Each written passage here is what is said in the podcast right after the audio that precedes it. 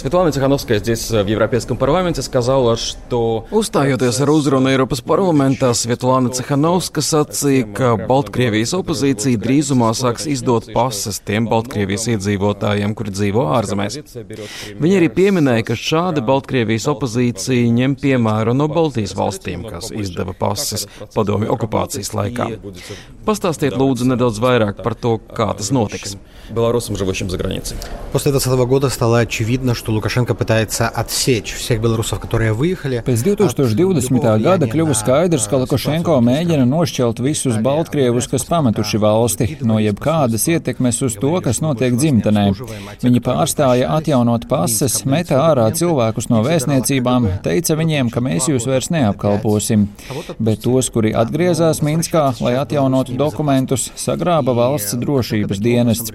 Kāds saņēma divus gadus cietumā, kāds piecus, kādu palaida brīvībā.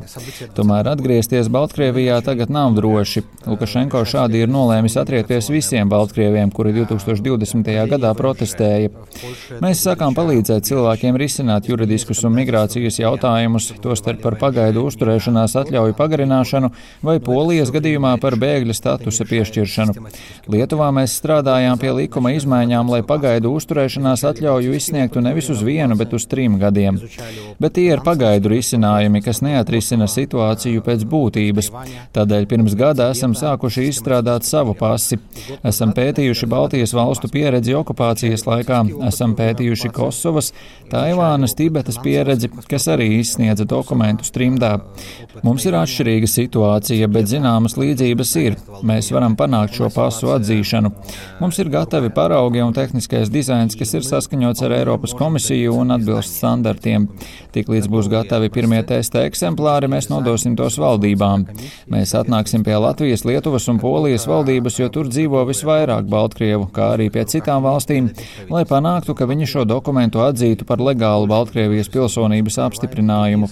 Mums gluži vienkārši nav citas izvēles. Ir jāsāk risināt šos jautājumus un jāparāda Lukašenko, ka viņam vairs nav monopola uz dokumentu izsniegšanu. Лукашенко, что он больше не имеет монополии на выдачу документов. Звучит мнение, что этот вопрос... Izskan viedokļi, ka šajā jautājumā vajadzētu vienotu Eiropas Savienības risinājumu, proti, ka būtu nepieciešams Eiropas komisijas vai kādas citas iestādes lēmums vai nu par pasu derīguma termiņu pagarināšanu, vai arī par jūsu topošo pasu atzīšanu. Jūs tagad sakat, ka ir jāstrādā ar katru valsti atsevišķi. Tā tomēr ir cita pieeja.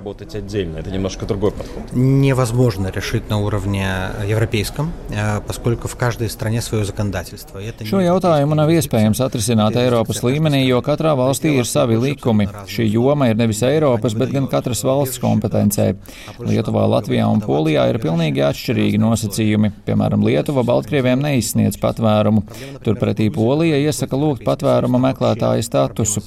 Tādēļ pilnībā sinhronizēt šos jautājumus neizdosies.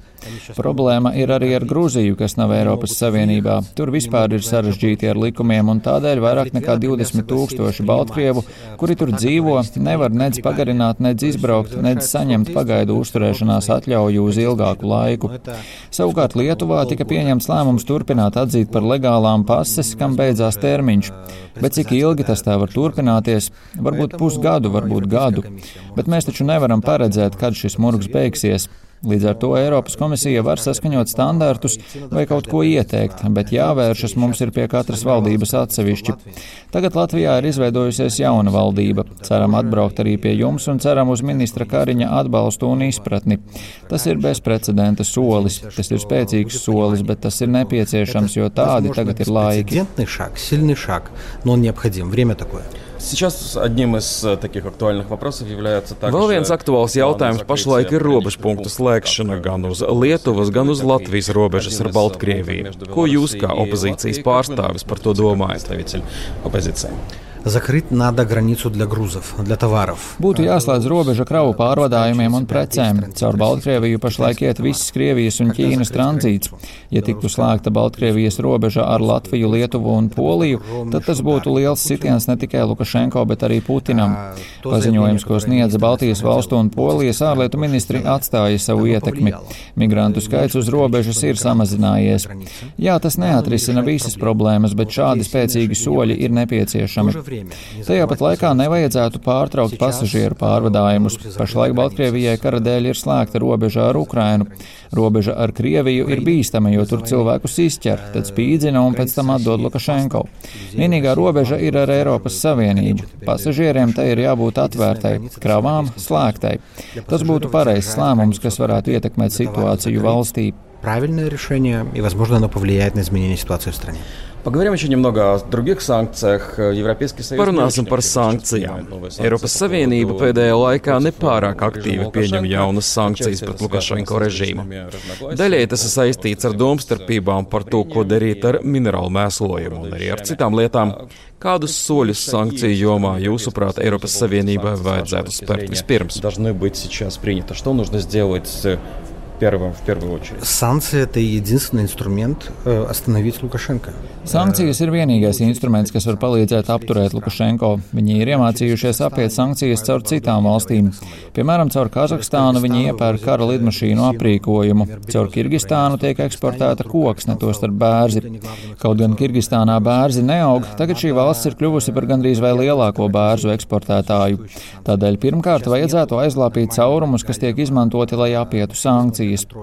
Pašlaik nav efektīva mehānisma, kas kontrolētu sankciju ievērošanu. Briselē ir pāris cilvēku, kuri novēro notiekošo, bet viņiem nav nec pilnvaru, nec resursu, lai kaut ko darītu. Visa šī informācija tiek nodota valdībām, kurām arī nav atbilstošas kapacitātes. Tātad caurumu aizlāpīšana būtu pirmais punkts. Otrais būtu kravu pārvadājumu pārtraukšanas izskatīšana. Treškārt, vajadzētu arestēt īpašumus ne tikai Lukašenko, bet arī viņa līdzgaitniekiem un visiem, kuri palīdz šajā karā. Ar Lukašenko īpašumiem vajadzētu rīkoties tāpat kā ar Putina lidmašīnām, ko, piemēram, Kanāda ir arestējusi. To visu vajadzētu arestēt, jo šie īpašumi ir zakti. Darētu arī apskatīties, kur sankcijas nestrādā pietiekami efektīvi, piemēram, naftas un ķīmijas nozarē.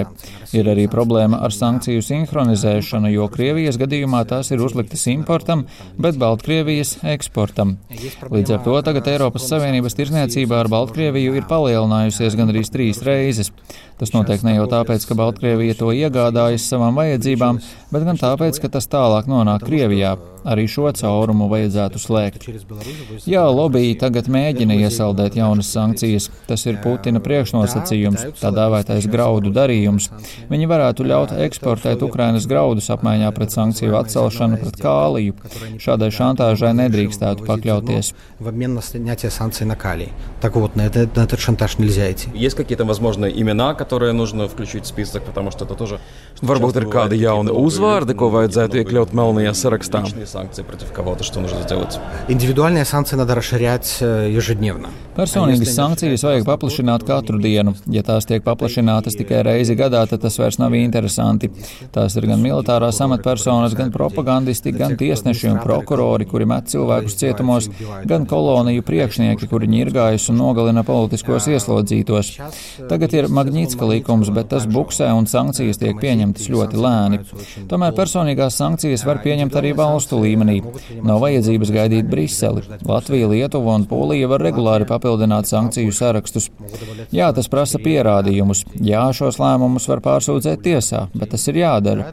Citādi rodas nesodāmības sajūta. Citādi pusotru gadu nav sankciju, un mēs jau redzam, kādu rezultātu tas ir radījis. Vairāk migrantu, vairāk vagneriešu un vairāk politieslodzīto.